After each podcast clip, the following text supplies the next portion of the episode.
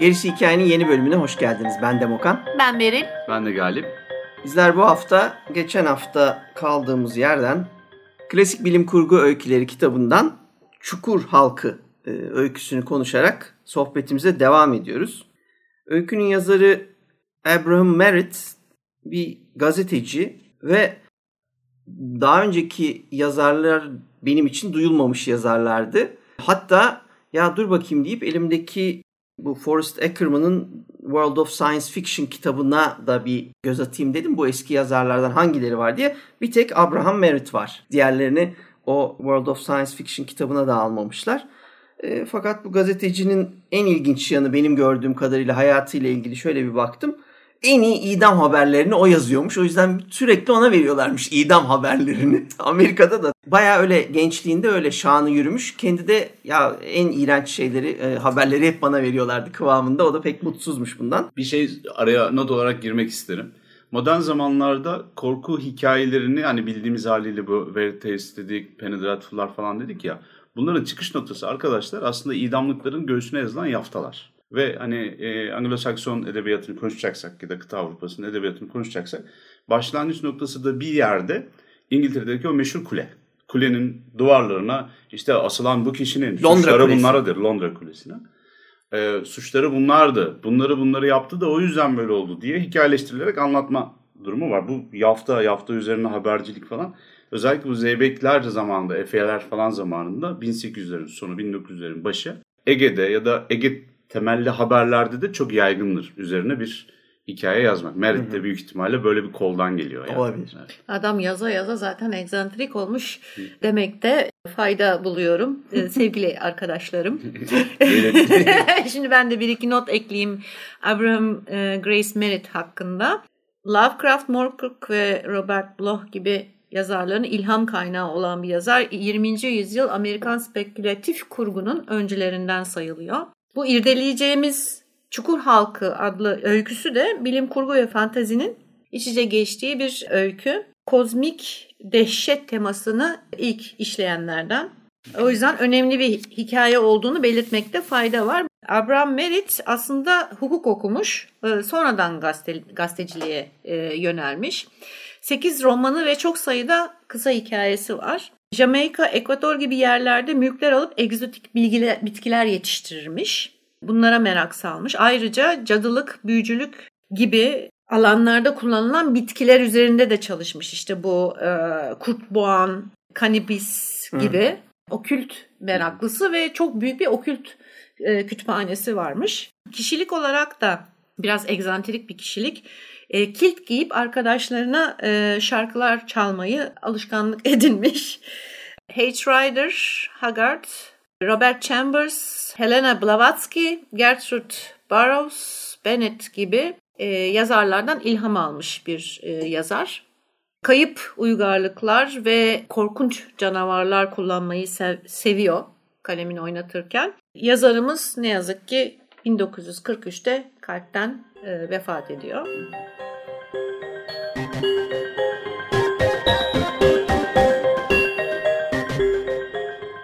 Bu keşiflerin ve aynı zamanda da altın arayıcılığının popüler olduğu bir zamanda geçiyor bu öykü. İki arkadaşın Alaska'ya doğru yola çıkıp kuzeye bu Beştepe'yi ya da El Dağı'nı aramaya gidişlerini e, anlatıyor. Buraya doğru yol alırken ve hatta yaklaşmışken bir gece kurdukları kampta bir ışıklar görüyorlar ve bu ışıkların içinden bir adam çıka geliyor. Bunun kuzey ışıkları olmadığı filan da tartışıyorlar. Tabii, yani. Bu arada tabii. garip bir şey. Yani onların bildikleri ama alışık olmadıkları bir görüntü. Aynen öyle. Hatta e, aralarında işte kuzey, kuzey ışıkları şöyle olur ama bu ışık böyle şeklinde. Hakikaten de ışık mavi ve tuhaf sisli bir ışık. Kuzey ışıklarına benzer bir yanı yok aslında. Bir de kuzey ışıkları yukarıda yani. Çok Tabii tabii yerde bu bahsettiğimiz şey daha çok inik böyle çökmüş gibi. Değil mi? Ha. Aynen. içindeler yani onun. Aynen. Mavi sis, ışıklı sisin içinden bir adam geliyor. İlk önce bu adamı bir yaratık zannediyorlar. Çünkü adam elleri ve ayaklarının üzerinde emekleyerek yürüyor. Hatta e, sürünüyor denebilir. Çünkü perişan bir halde. Yaşlıca bir adam ama şey olmuş artık böyle perişan açlıktan ve uykusuzluktan neredeyse bir yaratığa dönüşmüş durumda. Neyse bunu alıyorlar işte adam bir uy- uykuya dalıyor ondan sonra uyanıyor ve neden burada olduklarını soruyor arkadaşlara. İşte onlar da söylüyorlar işte biz Beştepe'ye gidiyoruz Eldağ'ına diye. O da diyor ki oraya gitmeyin. Çünkü benim başıma kötü şeyler geldi. Tabii ben bu arada özetliyorum. e, e, neyse kendi hikayesini anlatmaya başlıyor. Bu adam da aslında arkadaşıyla beraber e, bu yeri bulmak için yola çıkmış bir adam. E, fakat arkadaşı son dakikada vazgeçiyor yolun yarısında. Ve bu tek başına ilerliyor. İşte yaz geçiriyor, kış geçiriyor, mağaralarda saklanıyor, ediyor falan. Neyse yeri buluyor. Fakat tahminlerinin ötesinde e, imkansız bir yer. Bir platform görüyor. Orada işte bir kayıp bir uygarlığın izlerini görüyor. Ondan sonra bir uçuruma geliyor evet. ve bu uçurumdan aşağıya sayısız merdiven iniyor. Yani uçurumun dibine kadar merdiven ama uç, yani dibini göremediğin bir e, uçurum. E, buradan inmeye başlıyor. E, inerken işte başına gelen tuhaflıkları anlatıyor. İşte mağarada saklanışını, bir şeylerin onu izlediğini fark edişini ama ne olduklarını anlayamayışını. Bir, bir, bir kısım indikten sonra bir yere geliyor ki burada da böyle tuhaf yapılar var, tuhaf bitkiler var. Ee, yani bu dünyaya ait olmayacak şekilde. Bir tapınağa giriyor. Ondan sonra tapınaktan çıkıyor. Biraz daha aşağı iniyor, dibine iniyor falan. En sonunda bizim hani bu dünyadan değil ama senin de aklının alabileceği varlıklar değil noktasına geliyoruz. Burada işte ışıklı varlıklarla karşılaşıyor. Ve onların şehriyle, uygarlığıyla. Onların evet uygarlığıyla ve şehriyle. Orada onu bir şekilde hipnotize ettiklerini anlatıyor. Bu esnada onu hapsettiklerini, daha doğrusu zincirlediklerini bir tapınak gibi bir yere ve orada bir sıvıdan içirdiklerini ve bu sıvı esnasında daha da onlardan olmak isteği içinde gittikçe arttığı, sonrasında işte bir yaratığın etrafında dolandığını, görünmez bir yaratığın yılan gibi anlatıyor. Bir şekilde kaçmayı başardığını ve günlerce sürüne sürüne yukarı çıktığını ve en nihayetinde kampı bulduğunu anlatıyor ve oraya gitmeyin e, hala beni çağrışlarını duyabiliyorum diyor. Ve adam mümkünse beni de iyice yani, güneye götürüp ölünce yakın Ha, yakın, Aman beni almasınlar. Ha, beni almasınlar diyor. Aynı zamanda beni de götürmeyin. Ben de oradan bir yere bir şey şey yapayım. Asıl amacı o aslında adamın. Yani beni öldükten sonra buradan uzaklaştırın ama e, sınırların dışına çıkarmayın. Cesedimi yakın ve küllerimi buralara serpin demesinin sebebi hem yakalanmamak yani ruhunun yakalanmaması hı hı. hem de e, eğer bir şey taşıyorsa onlardan içinde hı hı. E, sınırların ötesine Bulaştırmamak. bulaştırmamak. Hikayemizde böyle bir tabii iki arkadaş vazgeçiyorlar ve adam öldükten sonra biraz öteye götürüp orada yakıp ondan sonra da orayı terk ediyorlar. Evet hikayenin özeti bu.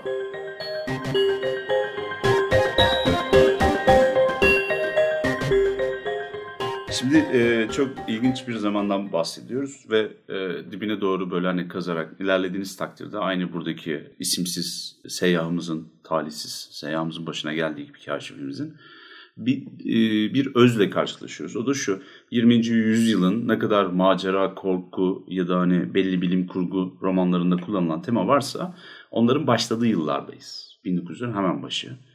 Şimdi teozofi çok yaygın orada. Ne demek? Madame Blavatsky'nin e, öncülerinden olduğu yeni bilgilerin diyeyim artık bilimin bulduğu ya da işte hani arkeolojinin takviye ettiği, desteklediği hikayeler üzerinden eski dinlerle, eski inanışlarla bir bağ, bir köprünün kurulduğu bir e, inançtan bahsediyoruz. Bunun dünya üzerinde bir sürü şey var. Bunlar gizemciler olarak biliniyorlar daha çok. Ama daha sonra spiritualizmin, neospiritualizmin de işin içine gireceği, bizimler çocukken hani okumayı çok sevdiğimiz o dergilerin falan yazılma sebebi olan dünyanın gizemlerini anlatan ve bunları da bilimsel bir akılla çağdaş bir insanın gözüyle de bulunabileceğine inanan kişilerin olduğu bir çağdan bahsediyoruz. Bunlara Beril'in biraz önce anlattığı Abraham Merritt'in hayat hikayesine baktığımız zaman bunlara böyle hani gırtlağına kadar bulaşmış bir adam var. Ee, ama tabii bir çamura bulaşmak gibi de demiyorum. Tamamen onların arasından bir teozofist aslında kendisi de. Aslında egzantrikliğin sebebi de e, büyük ihtimalle bu. Yani Hı. çok fazla eskiye dair eski uygarlıklar, okült vesaire bunlar e, bir araya geldiği zaman tabii düşünce tarzı büyük ihtimalle değişiyor ve o zaman egzantrik olarak adlandırılıyor. Tabii şimdi ünlü ve zengin olduğu için egzantrik başka türlü olsa deli derler de. Ya da komplo teorisyeni günümüzde YouTube kanalı olurdu bunun anlatıldı işte. Orta Doğu'nun gizemleri falan diye. İşte yani ya Elon Musk olacaktı ve kimseye bir şey dem diyemeyecekti ya da dediğin gibi YouTuber olup herkes şey yapacak aşağılayacaktı. Yani e, böyle bir birazcık da komplo teorisyeni kaçan e, ve bunlara gerçek hayatında çok ciddi inanan bir adamdan bahsediyoruz. Kendisi aynı zamanda hem varlıklı hem de güzel e, bir renkli bir kalemi olan sağlam bir yazar olduğu için bir yandan da e, anlattığı şeyler kayda değer oluyor. Zaten hani iyi beslenilmiş hikayeler. Burada anlatılan şey aslında e, oyuk dünya teorisi. Zaten bu çukur halkının içinde geçen. Ve o dönemin komplo teorilerini, creepypasta hikayelerini, ve gizemlerini çok iyi bitirdiği için Abraham Merritt kendisi de çok severek bunları sindirdiği için böyle hikayeler anlatmaya bayılıyor. Şimdi e, bu hikayeye baktığımız zaman meşhur Tibet'in delta şeylerinde, ovalarında kaybolmuş olan atıyorum e, Shangri-La'nın peşinde gezen kaşifleri görüyorum ben. Ya da Machu Picchu'yu arayan diğer e, seyahları görüyorum. Çünkü bunlar da yanlışlıkla bulundu. İşte gizemli ve e, büyülü şehirler bunlar. Hı hı. Kayıp şehirler. Ya da Eldorado'nun peşinde gezen şeyleri, kaşifleri görüyorum. Bu hikayede de benzer bir şey var, motivasyon var o şeyde adamda. Şimdi ilginç olan şu ama Amerika Birleşik Devletleri'nin en kuzeydeki alanı, Kanada'nın üstünde bulunan Alaska'da geçen bu hikaye altın arayıcılarının falan işin içine dahil olmasının yanı sıra böyle bir halk hikayesine sahip değil. Yani şimdi Shangri-La vesaire dediğiniz yer, e, insanların geldiği yer, köken şehirler, eskinin güçlü, büyülü toprakları diye anlatılıyor. Eski efsanelerde, yerel halkta falan var. Ama burada çukur halkında yok. Bu işte bakın bu modern yaklaşım oluyor. Olmayan bir şeyi bir edebi niyetle kendiniz oluşturuyorsunuz. Aslında fantastik bir düzen yaratıyorsunuz. Hı hı. İşte Lovecraft'ı etkileyen de bu. Moorcock'u etkileyen de bir yerde bu. Çünkü çağdaş 20. yüzyıl korku anlatısı, sineması şunu bunu başlatan e, tavır bu biraz da. Hı hı. Kozmik korkuyu da yaratan bu. Bir de bilimin gelişmesiyle birçok şeye açıklık getirilmeye başlandığı için artık eski korku, şimdi tabii ki öyle düşünmüyoruz. Tabii eski korkuları alıp daha da modernleştirerek kullanıyoruz. Yazarımız bunu da farkında olduğu için tamamen işte kozmik e, korku alanına e, adım atıyor. Doğru. Yani tamamen farklı bir şey yaratarak. Yani senin aklın almaz bunu. Hani bilim bunu çözemez hı hı. E, şeyine getiriyor. Evet. Şimdi daha önce Binbir Gece'de falan üstü örtülü ve insan hikayelerinin ya da kahramanların üzerinden tanımlanan bir kozmik bir dünya var zaten. Yani insanın aciz, takatsiz kaldığı, sadece bazı kahramanların öne çıktığı ve mucizelerle bir şeyleri başardığı şeyler. Mucizevi silahlarla, altın lambalarla falan gibi. Şimdi günümüzdeki insanda bu tam yok ama bir yandan hala eski hayal gücünü taşıyoruz biz. Bu da ne oluyor mesela? Hani e, gene dediğim gibi Machu Picchu gibi antik şehirlerin, diyorduk işte Babil'de, Irak'ta bulunan eski kalıntıların, o Sümer şeylerin falan çıkartılmasıyla beraber insanların hayal gücünü çok etkiliyor. E bunun sonucunda da bilmemenin de etkisiyle yani ölçememenin de yani bilmeyince birkaç bin senelik bir uygarlık, birkaç bin yıl önce yaşamış bir uygarlık milyonlarca yıl gerideymiş gibi düşünüp e, kabul ediyorsun. Ve bunun sonucunda da ne oluyor? Bir kabusta gibiyiz. Aklımızın almadığı Lovecraft'ın Ions dediği böyle asır, asır da değil çağlar, dönemler boyunca evet, yani. eskimiş gibi. Değil abi 2000 yıl önce, 3000 yıl önce kaybolup gittiler. Dilleri konuşulmuyor sadece gibi. Yani bilim aslında biraz da büyüsünü kaçırıyor bu anlatıda. E bunun olduğu yerde de aciz açıktayız, tehdit altındayız falan gibi hisseden küçük insan kaşif karakterlerinin olduğu bir sürü hikaye yazılıyor 1910'larda o dönem bir de daha önce konuşmuştuk biz. Hatta ne alakaysa şeyde konuşmuştuk. Home Invasion'da konuşmuştuk hatırlıyor musunuz? Tutankamon'un mezarının bulunması ve bütün bir dönemi etkilemesi. Yani evet. giyim kuşamdan biliyorsunuz o 20'lerin elbiselerinden. Ee, ondan sonra şeye kadar bu Indiana Jones'un e, atası olan Doug Strange'e kadar işte o zaman 30'ların kaşif kahramanları vardır ya yumruklarıyla sevişip dudaklarıyla şey yapan öyle dövüşenler. Ondan sonra bunlara evriliyor gibi. E bu da ilk örneklerinden.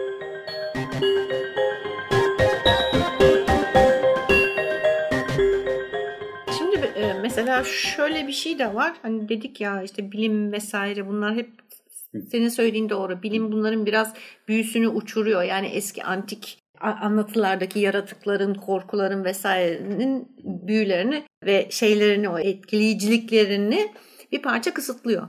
Fakat mesela e, bizim çağdaş yazarlarımız da bunun yolu, yolunu buldu. Nasıl buldu? Hmm. İki tane örnek vereceğim. Bir tanesi Stephen King'in içindeki yani derinin altında yaşayan canavar aslında hmm. ben buraya siz hepinizden önce geldim diye bir şeyi vardır. Ne derler? Repliği vardır. Aha. Yani aslında o canavarın dünyanın oluşmaya başladığı zamandan itibaren e, orada yaşadığı evet. söylenir. Bu bir kozmik korkudur. Tabii. İkinci olarak e, Dinar Kuntz'un Phantom diye bir e, romanı vardır. Onda da bir kasaba dolusu insanı yiyen, daha doğrusu e, öğüten bir e, yaratıktan bahseder. Bir hmm. yılan gibi, yani devasa bir yılan gibi e, şekil değiştirebilen ama yok edilmesi zor. E, o da aynı şekilde hatta Anunnakileri vesaireleri falan evet. filan vesaire götürür. Ondan ötesine de götürür. Evet. E, ki o da bir mesela kozmik korku olarak yaratılmıştır. Doğru. Yani sonuç olarak evet biz bunların büyülerini yavaş yavaş e, kaybediyor gibi düşünülse de e, aslında öyle değil. Tamamen modern zamanın ortasına oturtulup e, gene bir şekilde yaşatılıyor. Aslında. Evet şeyin bu dönemden önce Edgar Allan Poe'nun ben şeyini e, bahsettiğim şimdi şiirin adını unuttum ama Lilith bölümünde onu konuşmuştuk. Şiirin içinde tam bu problemin başladığı dönemler e, Edgar Allan Poe'nun dönemi de öyle bir dönem. Bilimle işte o gizemin kaybolduğunu hissedip ellerinin ucundan kaçırdıklarını düşünüyorlar ve şiirlerinden birinde e, işte hani o gök kuşağını bize bırakın bilim adamları falan gibi yanılmıyorsam bilim üzerine bir şiiri vardı.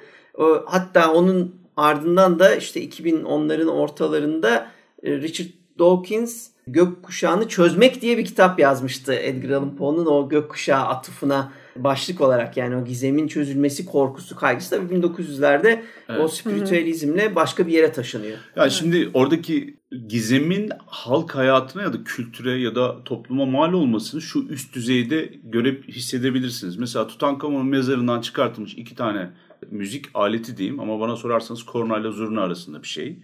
Trompet gibi de bir andıran da bir yapı. Kraliyet borusu da olabilir. Ya işte boru ama şimdi boru, boru demek istemiyorum hmm. bir anlamda. Hani anladığınız şeyi. Bu zurna gibi bir alet zaten. Bir müzik aleti. Hani antik Yunan'da olsa çiften şeyler falan var. Böyle iki taraflı çalınan hmm. flütler falan var ya. Onun daha cazgırı. Ses biraz da zurnayı andırdığı için hani onu söyledim. Zurna çünkü günümüzde yaşayan şey gibi komodo ejderi gibi. Hala dinozor. Anladın mı? ama küçük. Var ama hala da seviliyor yani. hala kullanılıyor yani. Vuvuzela'nın bir adım büyümüşü. Evet, Vuvuzela'nın bir adım büyümüşü. Doğru versiyonu. Doğru versiyonu. yani olması gereken hani müzik aleti en azından. Ama işte bak oradaki Vuvuzela'da şey e, sanatçı farkı var bence. İkisi de özört zört ötüyor ama bir tanesi öttürüyor yani anladın mı? Name koyabiliyor. hem ötüyor hem öttürüyor. Bu arada şey e, yeni müzik aletleri de tabii e, şey yapılıyor. Şimdi mesela bizim bilmediğimiz onlarca yeni müzik aleti var mesela işte camdan yapılmış.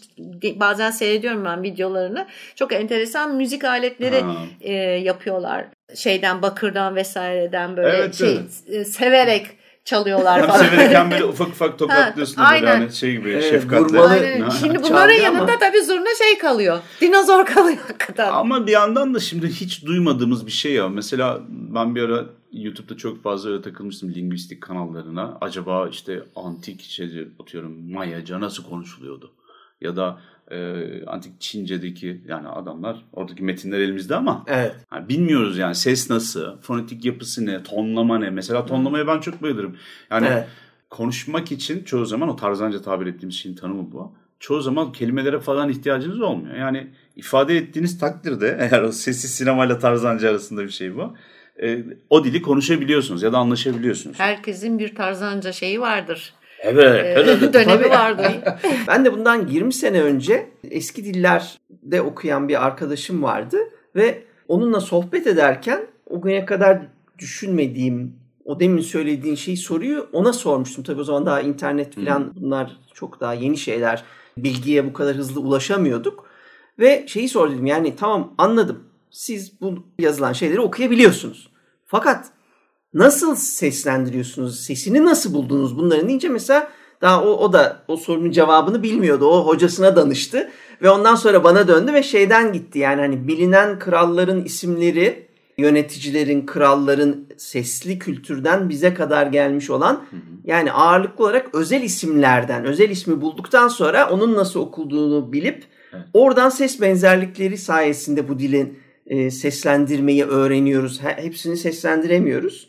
Ama o bulduğumuz heceler, sesler varsa o sayede ilerliyoruz deyip mesela bana e, aşağı yukarı bir cevap vermişti ve çok etkileyici. Yani o güne kadar düşünülme, düşünmediğim için de e, yani hem onu şaşırtmıştı konu hem de benim bir şey daha öğrenmemi sağlamıştı. Ama gene de yani bugün bile o seslendirilen kral isimleri bugüne kadar aynı şekilde gelmiyor tabii. Tabii, onu tabii da onu göze bilmiyoruz. Yani lazım. kral isimleri, şehir isimleri Tabii, işte tabii, o, o yani. gün O şöyle oluyor. haliyle. Yani e, Rosetta Stone'un da bu taşın Evet, evet. çözülme şeyi de o. Sümerci'nin de deşifre edilmesi. Tabii o üç ayrı Çiviyasının karşılaştırma. Akatça, şeyce, Sümerce bir de şey. Bir de Yunanca'yı koymuşlar. ha Yunan. Ha, Yunanca ile karşılaştırıyor. Çünkü çağdaş aynen Yunan, Yunanca'dan çözüyorlar. Yunanca'da kralların isimlerinin nasıl telaffuz edildiğini bildikleri için hatta ilk başta da tekrar eden isimlerle yazıttaki isimleri buluyorlar. Özel isimleri kralların soylarından ilk önce alıyorlar.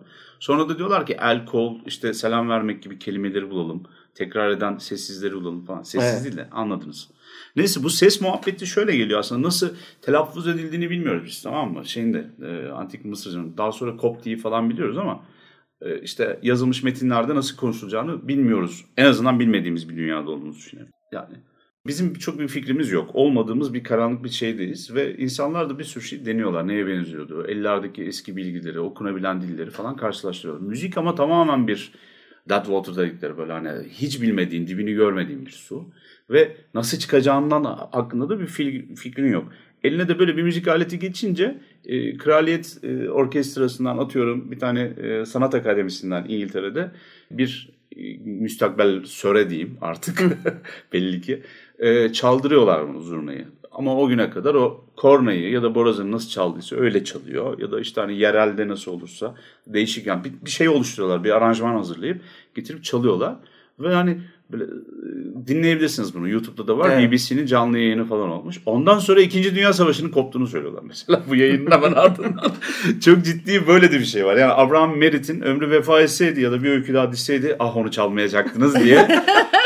Çünkü bakış açısı yaklaşım bu. Yani e, o kadar sirayet etmiş ki bugün insanlara aşıyı maşıyı anlatamıyoruz ya. Hani insanlar neye inanmak istiyorlarsa ona inanıyorlar. Bir de çok yaygın bir Amerikan atasözü varmış. Gazetede yazıyorsa doğrudur. Doğru. Ya. E, Adamın tipi de bir anlam beni cezbetti. Şimdi bakın 1900'lere ait değil bu karakter. Ama bütün 20. yüzyıl boyunca devam edecek. Deli e, bilim adamında kullandık ya Mad Scientist'te. O da şu. Herifin bitap halde ele düşmesi aslında Viktor Frankenstein'ın kitabının başında bulunduğu hali oluyor. Ah aziz dostum ben sana anlatayım başıma gelenleri falan gibisinden. Bu, bu yöntem, bu trop, bu klişe de birebir tutuyor. Çünkü o da bitap bir vaziyetteydi. İşte bir şeyin peşine düşmüştü azimle. Hatta bir canavarının peşinde kaçan canavarı kovalayan, bulmaya çalışan deli bilim adamı değildi ama burada e, gözüne hırs büyümüş bir kaşif olarak karşımıza çıktı ve bu da perişan vaziyette. Bu ne demek? İşte hani bir şeyleri yorgun gezgin ve onun anlattıkları üzerinden hikaye anlatma yöntemi bu.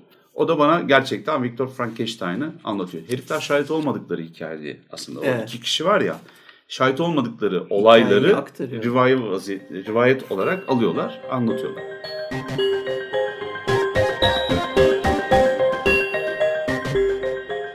Şimdi şey etkisini çok net anlıyorum ben. Öyküyle ilgili benim en ilgimi çeken noktalar şuydu ki e, Lovecraft bundan etkilenmiş dediğinizde niye ne olduğunu anlıyorum. İşin yani uzun ve komplike betimlemelere girip fakat betimlemeleri kesinlikle netleştirmeden ve sonlandırmadan siz tabii bunu anlayamazsınız. İnsanın aklı bunu almayacak bilmem ne gibi yaptığı için betimlemeleri. Neyse ki Lovecraft anlamış biraz ileri götürmüş. Çünkü Merritt'in anlattığı şeylerin yarısından çoğunu ben anlamadım. Yani an, betimlemeleri anlamadım. Çünkü o- Alıntılar da bir tutma. Lao Chazi falan gibi alıntılar yapıyor yani hani al- alıntıları alıntıları ayrıca konuşuruz ama betimlemeleri kesinlikle yani gözümün önünde canlandırmaya en başta bir iki çalıştım. Baktım olacak gibi değil. Bir yer, yani bir iki cümle sonra bıraktım. Yani dedim ki bu ben anlamıyorum burada. Ama tamam garip bir şey var. Önünde garip bir şey var. Şimdi Lovecraft da bunu yapar. Fakat Lovecraft'ın yaptığı bir aşama iyisidir. Yani Lovecraft'ın yaptığından kendince bir çizim falan yapabilirsin. Bir şekil çıkarabilirsin. Çıkaramayabilirsin ya da senin şeklinde benim şeklim birbirine benzemeyebilir. Bunların hepsi Lovecraft'ta mümkündür. Burada bana sorarsan Merit'in Çukur Halkı hikayesindeki betimlemeleri ben kesinlikle hiçbir şekilde sokamadım. Sadece seninle alakalı olan bir şey değil. Bu aslında Merit'in e, bayağı e, ünlü olduğu bir tanım biçimi bu. E, özellikle bu kozmik korku türünde şeyler yazdığı zaman e, micro description dediğimiz şeyi yapıyor.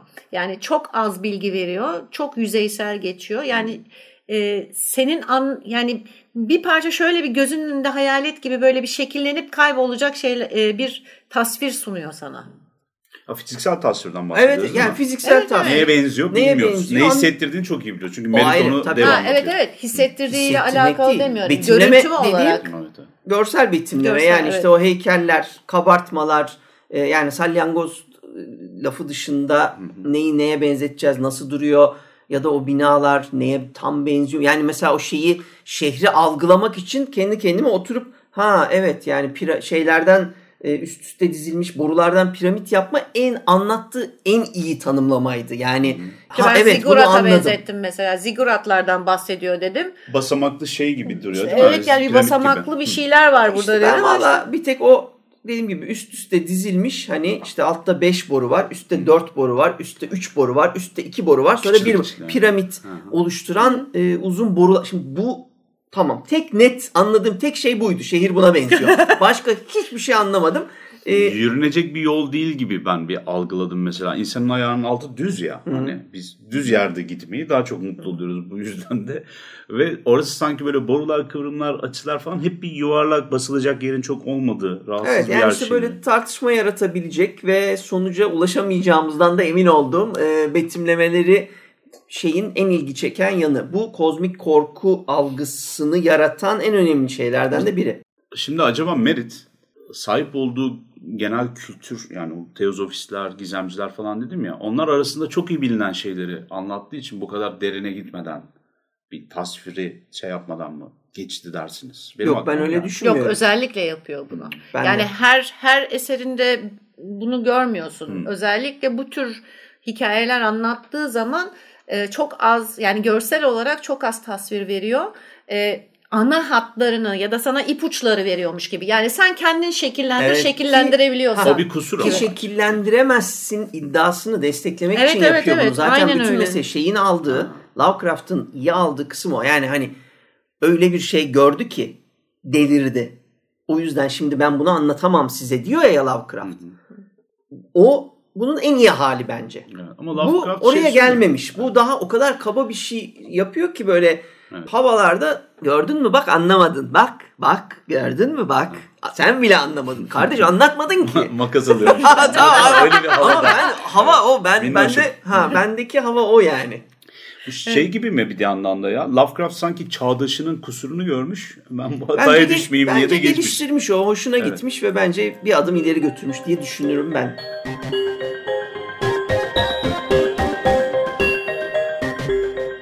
Şimdi bu öyküde sadece keşfettiği yer değil. Keşfete, keşfedene kadar olan yer de zaten bir gizem. Şöyle ki zaten dönemde Alaska tam manasıyla keşfedile keş, yani anlattığı dönemde evet. Alaska tam manasıyla keşfedilememiş. Ne olduğu bilinmiyor. Orada birileri yaşıyor mu bilinmiyor. Yaşamış mı bilinmiyor. Yani bir uygarlık içeriyor mu? Sonradan mı donmuş yoksa önceden mi? Hani daha yeni mi donmuş? Bunlar bilinmiyor. Yani Alaska konusunda, kuzey konusunda hiçbir şey bilinmiyor. Hani bir kuzey ışıkları adı var ve gör, ya şahitliği var ama onların da tam olarak ne olduğu belli değil. Yani öyle bir gizem oluşturuyor ki şimdi o dönem için anlattığı dönem için orası zaten başlı başına bir gizem. Ya sen bu gizemin içine giriyorsun araştırmaya. Yani gizemin içinde daha da büyük bir gizem buluyorsun. Aslında hikaye bunu anlatıyor. Sen zaten gizemli, topraklarında ne olduğu belli olmayan, hangi tehlike var, hangi hazine var, bunları bilmediğin, e, ne tür yaratıklarla karşılaşacağını bilmediğin, tamamen sır toprak yani sır topraklardan bahsediyoruz. E, o yüzden ilk önce başlıyor zaten mekan. Mekanı açarken zaten bir gizem ortada var. Evet. Sonrasında o gizeme ait mi değil mi emin olamadığım bir gizem oluşmaya başlıyor. İşte ışıklar görünüyor. Ardından işte emekleyen bir adam geliyor yaratığa dönüşmüş. Ondan sonra adamın ağzından bu hiçbir şey değil arkadaş. Ben öyle bir yer gördüm ki aklın hayalini almaz diye sana bambaşka bir Katman açıyor. katman açıyor. O yüzden yani bu öyküdeki en önemli şeylerden bir tanesinin gizem olduğunu düşünüyorum. Yani o gizemi korumayı çok iyi başarmış. Evet. Ee, dönemi yansıtmayı çok iyi başarmış. Çünkü anlattığı dönem kendi döneminden daha da erken bir dönem büyük ihtimalle. Merak uyandırıcı ve esrarengiz bir e, hava yani atmosferi oluşturmakta bir kere adam başarılı. Bunu kabul edelim. Ha dediğimiz gibi hani bu micro description yani e, minimum ayrıntı vermesi görsel e, bakımdan bana şey gibi geldi. Ben de ben de uğraştım. Yani ben de uğraştım. hatta çizmeye falan filan düşündüm. Sonra dedim ki bırak ya adam bunu zaten mahsus yapıyor. Karakterler enteresan mesela. E, iki arkadaş sen gidiyorsun. Yani soğuk olduğu, meşakkatli olduğu belli, belli olan topraklara gidiyorsun. Ve dışarıda kamp kuruyorsun. Ona da hani cesaret ediyorsun. Ve zaten bilinmeyen yaratıklarla karşılaşacağım belli. Zaten ilk başta adamın gelişiyle onun yaratık sanmalarının sebebi de o. Karakterler bir kere hani en azından daha kendi öncekilerden bir tık daha cesaretli olduklarını düşünüyorlar kendileri hakkında. Yani onlar geldi ama pek başaramadı. Biz Tabii geldik. Daha ileri gideceğiz. Daha ileri gideceğiz biz e, meselesi var. O açıdan yürekliyiz biz hani şey yaparız e, bu işi kıvırırız e, şeklinde. Kamp alanında anlatılan hikayeden sonra o cesaretten hiçbir risk kalmıyor. Çünkü onlardan çok daha cesaretli bir adamın oraya gidip e, zar zor dönebildiğinin hikayesini e, dinliyorlar. Şimdi burada şöyle bir şeyler şöyle bir şey kullanmış. Bir kere o güzel bir şey. Bir güvenilmez anlatıcı var işin içinde. Çünkü gelen adam hakikaten mi böyle bir şeyler gördü? Yoksa hani o kadar zorlu bir yoldan gitti ve döndü ki hani bütün bunları e, hayal mi ediyor? E, Yoksa gerçekten karşılaştı mı? E, bu, bunu bilemiyorsun. Bir kere güvenilmez anlatıcı orada var.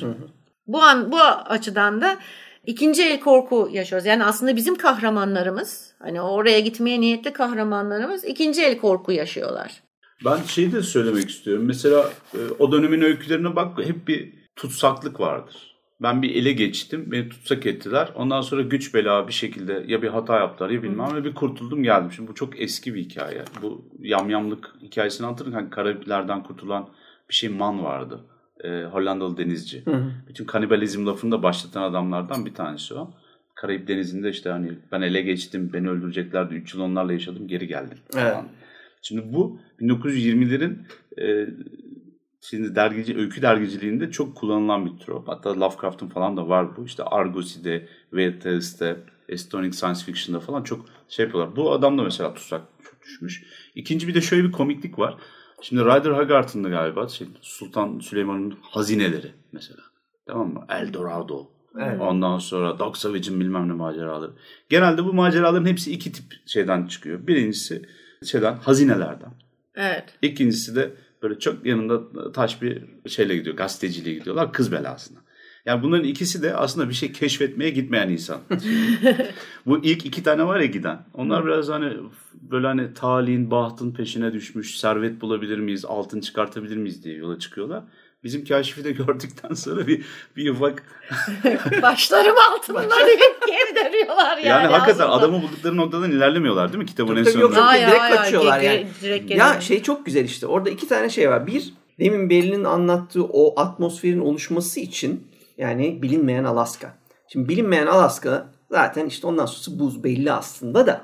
Ee, Ama o güne kadar kaşınıyorsun tamam böyle. hem bilmiyor hem de o güne kadar işte bilinmeyen ormana girdiğinde işte onun içinde bilmem ne kasabasını zencilerin e, bilmem ne kültürünü bulmuş eski işte İnkaların bilmem nesini işte keşfetmiş falan yani şu keşifler çağı ya. Evet. Şimdi hikayeci ne yapıyor?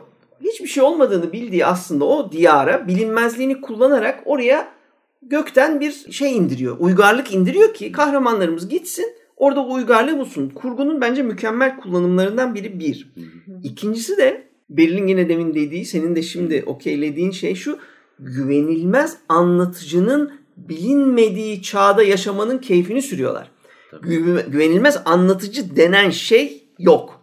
Eğer bir şey anlatılıyorsa o gerçektir. Biz de buna inanırız. Yani en fazla anlatıcının haline bakarak kabulleniriz. Yani bu, bu hale bir insan kendini normalde sokmaz. O zaman anlatıyorsa abi bütün bunlar doğru demek ki diyen birisi yani delinin biri burada kaybolmuş. Ondan sonra da dört ayağı üstünde o çılgınlığıyla koşarken kendini yaralamış. Ee, Saçma sapan bir hikaye anlatıyor deyip e, bırakmıyor. Abi bir şey söyleyeceğim. Ben çok güldüm şimdi. Düşünsene Erzurum'da Kars'ta geziyorsun. Böyle bir şeyle karşılaşıyorsun. Adam anlatıyor anlatıyor anlatıyor. Ondan sonra da orada bayılıyor. Öldü galiba diye alıp Yakıyoruz. yakıyorsun. Sonra köye bir gidiyorsun işte birini anlatıyorlar sana. Meğer oranın delisiymiş Bilmem bu. nenin delisi. Tabii. Gördünüz mü? Yok yaktık yaktık. O yok o. Beni yakın dedi falan dedi. Söyleyemezsin de jandarma diyor abi saçmalamayın. Ne yaptınız adamı? Ay, tıpkı.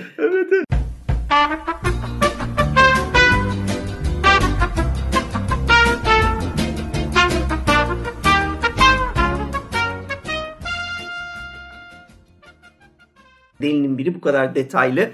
Tırnak içinde detaylı yine çünkü dediğim gibi hikaye bir şey anlaşılmıyor. Anlatıcı o kadar saçma sapan şeyler anlatıyor ki anlamıyorsun da zaten ne neye benziyor. Öyle bir yer şeyin 10 katı belki daha fazla büyüklükte bir yani çukur diyoruz ama e, Grand Canyon'un 10 katı diyor. Abi yani zaten bir haftada iniyor merdivenler. Hayır Öyle bir yani merdivenler derinliğe, derinliğe gelmedim daha. Ya, yani evet. daha bu genişlik. Tabii hem, deni, hem işte ama dediği gibi hem derinliğin Tabii e, sonsuz bir korkunçluğunu kullanıyor. Ben yani düşme korkusu var. Hem de kaybolma korkusu var. Çünkü o kadar büyük bir kanyonda kay, yani Belli oradan geri çıkmak var bir de Evet yani bir de oraya inip oradan geri çıkmak var. O Hiçbir kadar şey merdiveni şimdi kim çıkacak Tabii diye. ki Işık işte bir zaten şey kaçarak çıktığı için Evet. durumu da o yüzden bir süre sonra bacakları el vermiyor, gücü yetmiyor ama kaçmak zorunda. Peşinde o yine neye benzediğini anlamadığımız hayali ya da Yaratıklar ruhani işte spiritüel görüntülü uçan kaçan yaratıklar var ve o yüzden ellerini kullanarak ve sonra işte parmakları zaten anlattığındaki en vurucu şeylerden biri oydu. Parmakları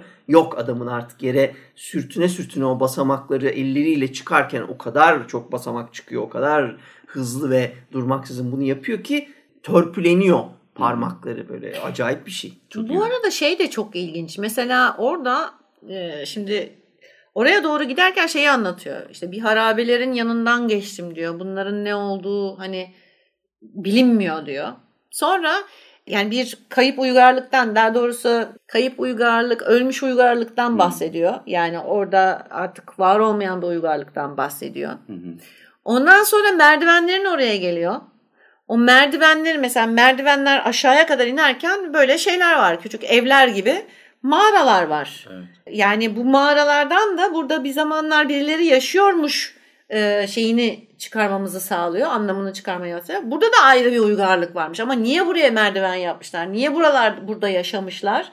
Burada yaşayanlara ne olmuş? Evet. gibi bir takım sorular atıyor sana. Sürekli bir soru atıyor sana. İşte burada bir uygarlık vardı ama e, artık yaş, yani yok olmuş bir uygarlık. E, acaba kimdiler? Bir birinci soru. İkinci soru merdivenlerden aşağıya inen. İşte bu merdivenleri yapan uygarlık e, yine yok olmuş. Ama niye geldiler buraya merdiven yaptılar? Niye bu mağaralarda yaşıyorlardı? Sonra aşağı iniyor bambaşka bir uygarlık. Yani anlattığı hikayeden ben üç tane uygarlık çıkardım. Bir tanesi e, yol üstündeki uygarlık, yok olmuş uygarlık. İkincisi merdivenleri yapan uygarlık ve çukuru koruyan uygarlık.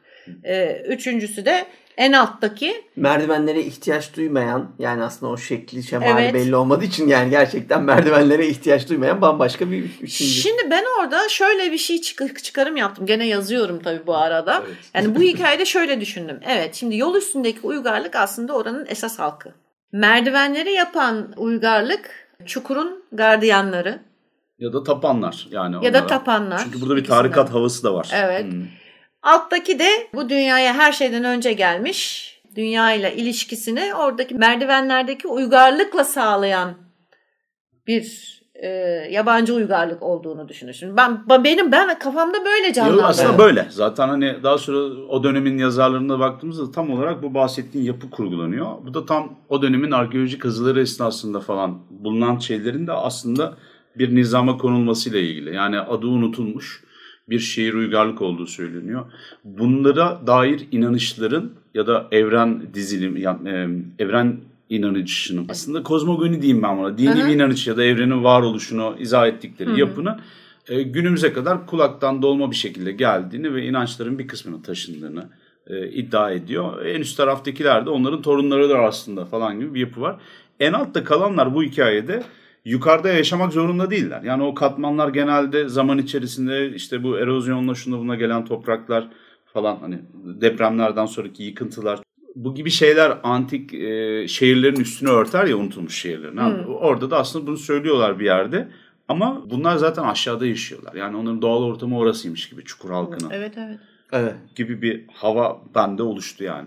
Tabii tabii onlar oraya inmemiş. Orada e, yani ilk yerleşim nasıl olmuş bilemeyiz ama oraya oraya uyum sağlamış, orada evrimleşmiş. Öyle magmanın Gibi. hemen üstünde takılıyorlar yani. Şimdi ama şöyle bir şey, şöyle bir ayrıntı da anlatıyor orada. Diyor ki beni hani zincirlediler tapınak gibi bir yere işte bir şey içirdiler. Onlar gibi olmaya başladım. Onları hissetmeye, onların fısıltılarını duymaya, on, yani onları duymak istemeye başladım falan filan vesaire.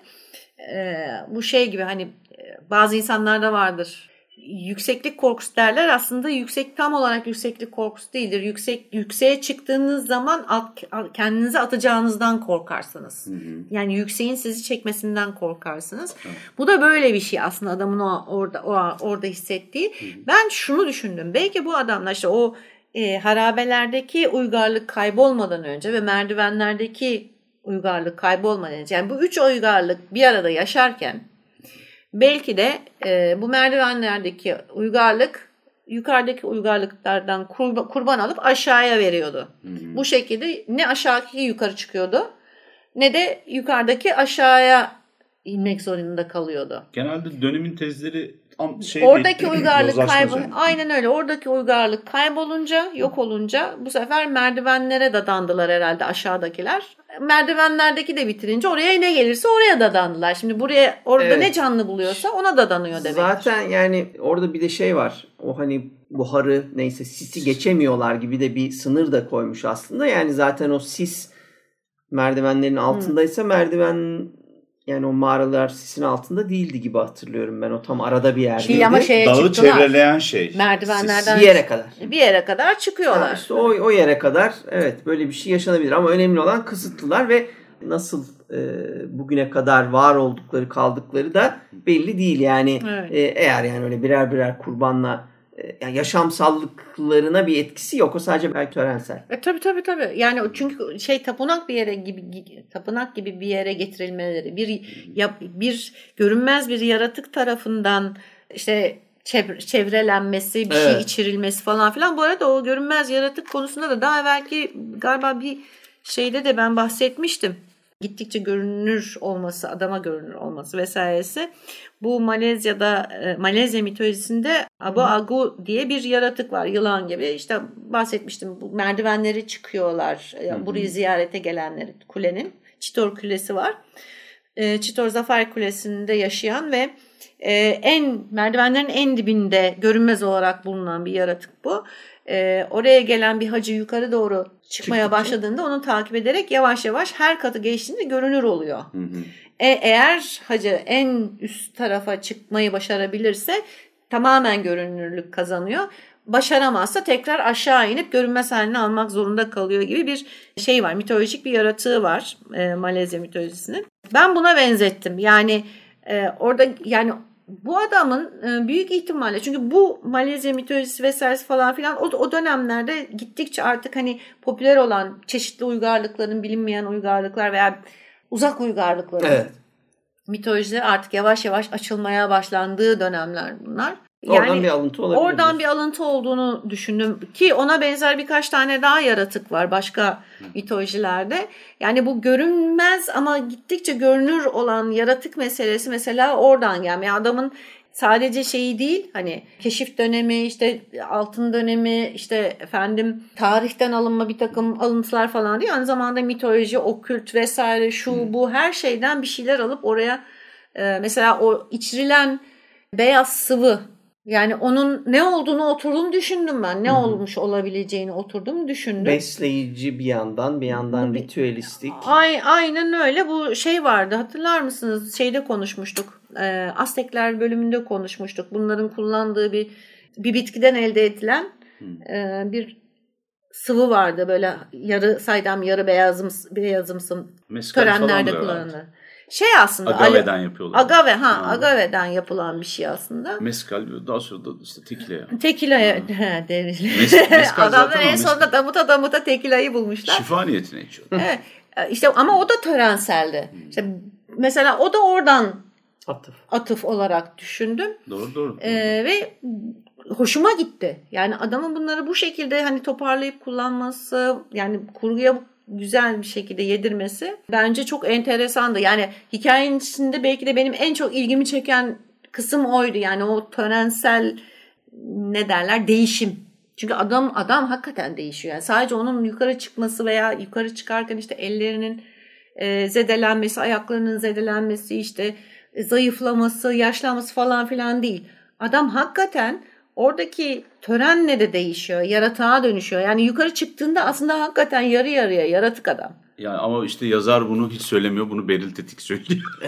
yani evet. Ya, ama bu, bu şey tabii wishful thinking mi diyeyim? ne diyeyim. Yani işte ya bu doğrusu ama bu aslında. kapıyı- ben, yani bana da sorarsan açıyor. evet. De Abraham e, Merit kapıyı açıyor yani işte. İster gir düzgün- ister girme. Düzgün açıklamayarak Aha. diyor ki kardeş ya anlamayacaksın geçeceksin ya da oturacaksın benim hikayeme kendi hayal gücünle bir şeyler katarak sen ilerleyeceksin diyor. Yani öykü seni e, bir şekilde zorluyor. Hoşuna giderse Beril gibi kurguyu e, geliştiriyorsun. E, işte benim gibi çok zor, zorlanırsan da e, öyküyü az kalsın unutuyorsun. Yani.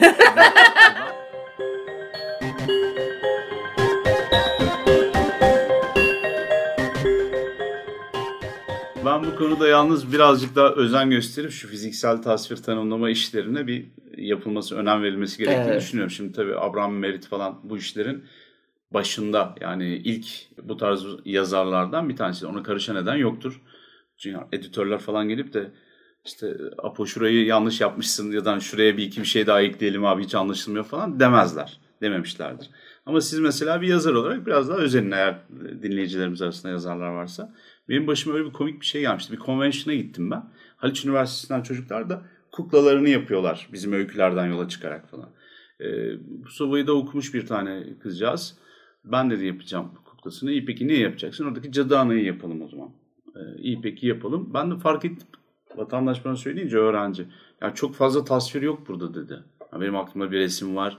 İşte Ali'nin oradaki Aliş karakterinin gördükleri falan bir şey oluşturuyor, bir resim oluşturuyor ama ben doğrudan gidip oturup yazmamışım neye benziyor, tipine, saçına bilmem ne falan. Aa iyi peki falan dedim.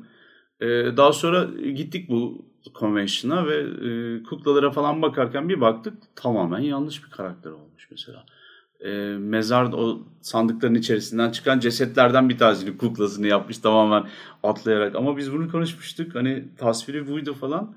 E, yok ya ben onu şöyle anladım diye gitti. Aslında belki o da güzel bir şey. Yani Ya, pek de değil şimdi. Ya- Neyi şimdi ama bak şimdi Bütün şu var. karakterler birbirine girmiş yani. Birazcık Tamam. uğraşsın. O tabii çok fantastik bir durum tabii senin burada anlattığın. Çok komik bir de Her- yani. çok az insanın başına gelecek bir şey karakterinden birisinin bir şey yapması filan. Ama burada önemli olan şey şu.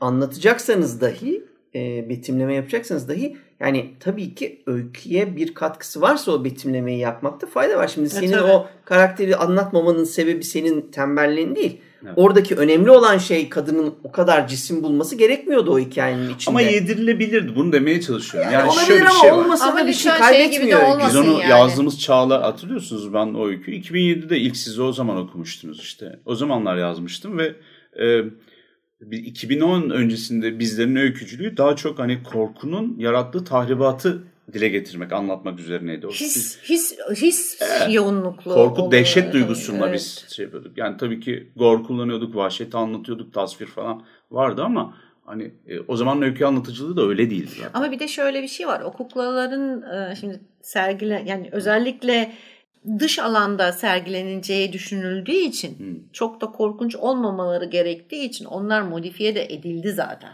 Şimdi Yani böyle işte. de bir şey var. Şimdi mesela benim ama. e, ama benim yarattığım da aslında o kadar sevimli bir şey değildi. Evet. Ama ha benim hoşuma gitti mi? Gitti. Çünkü hani ben bir şey yarattım. Benim yarattığımdan başka bir şey yarattı. Hmm.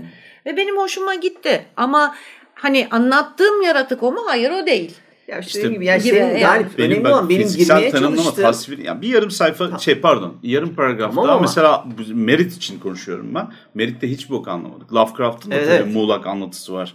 Bir kaç kişi kaç defa ama oturduk. Ama hikayeye hizmet çok ediyor odur evet. Lovecraft'ta. Ama işte burada da mesela hani yabancıyı bir, bir okumadın ayak, mı sen? Yabancıyı okudun. Karanlıkta geçiyordu o zaman. Ya, Whisper hayır, in the Dark yani mesela. Yabancıda mesela adam kendi ta, yani adam kendi aynada gördüğü zaman tasvirinin ne olduğunu tam olarak sana söylemiyor. Yani ay evet yabancı bendim aslında e, meselesi var ama yani ama konuşmasını anlıyorsun o adamın neye bir şeyi bile mesela Nerede? tam olarak işte, anlayamıyorsun. Yani bulunduğu ortamı bile tam olarak e, resmedemiyorsun. Yani Lovecraft da aynı şeyi yapıyor Lovecraft sana. Lovecraft ama mesela şunu söylüyor. Bir el ayaktan bahsediyor mesela tamam mı? Bir yerinde öykünün bir yerinde.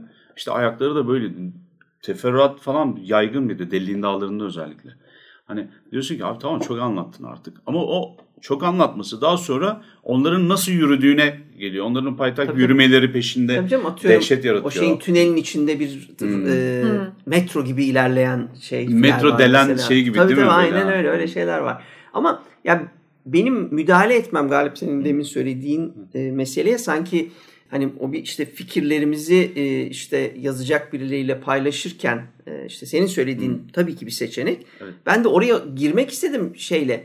Yani ben hikayeye hizmet etmesini her zaman öncül görüyorum ve mesela işte e, senin hikayendeki Cadı Ana'nın anlatılmamasının bir eksiklik olmadığını düşündüğüm için. Ben de çok evet, rahatım. Ha, Ama öykü öyle. Yani, Başka aynen türlü öyle. olamaz. Ha, yani. yani orada gereksiz şeye de dikkat etmek lazım. Yani anlatın derken gereksiz bir şey de anlatmayın tabii ki. Dur, yani dur, dur, dur. E, hikayeye hizmet etmiyorsa neye benzediğini hiç söylemeyebilirsiniz. Ama tabii buradaki tabii. gibi mesela Merit'te olduğu gibi hikayenin bütün amacı eğer gidilen garip bir uygarlığı tanımlamaksa hı hı. iki tane seçeneğiniz var. Ya gerçekten hayal gücünüzü iyice zorlayıp çok acayip şeyler anlatacaksınız. Ya da kardeşim sen bunu görsen de anlayamazsın. Kimseye de tanımlayamazsın. Bak iddiamı da böyle anlatıyorum deyip minicik minicik böyle çok kaba saba e, anlatımlarla evet. e, şeyi tufaya düşürmek okuyucuyu e, sadece hissiyatı geçirmek. Ya bunun başka yöntemleri de var. Şimdi adamlar bana bir şey içirdi. Ben zaten adamların neye benzediğini bilmiyorum. Bir de 20 kilometre yürüdüm ama yani aşağı inerken 20 çıkarken 30 hissettirdi gibi.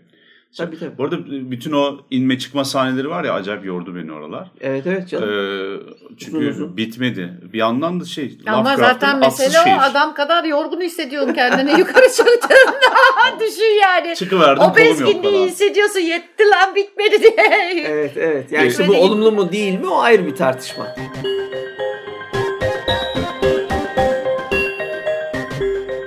Ya, okur zevki dediğimiz şey bu aslında.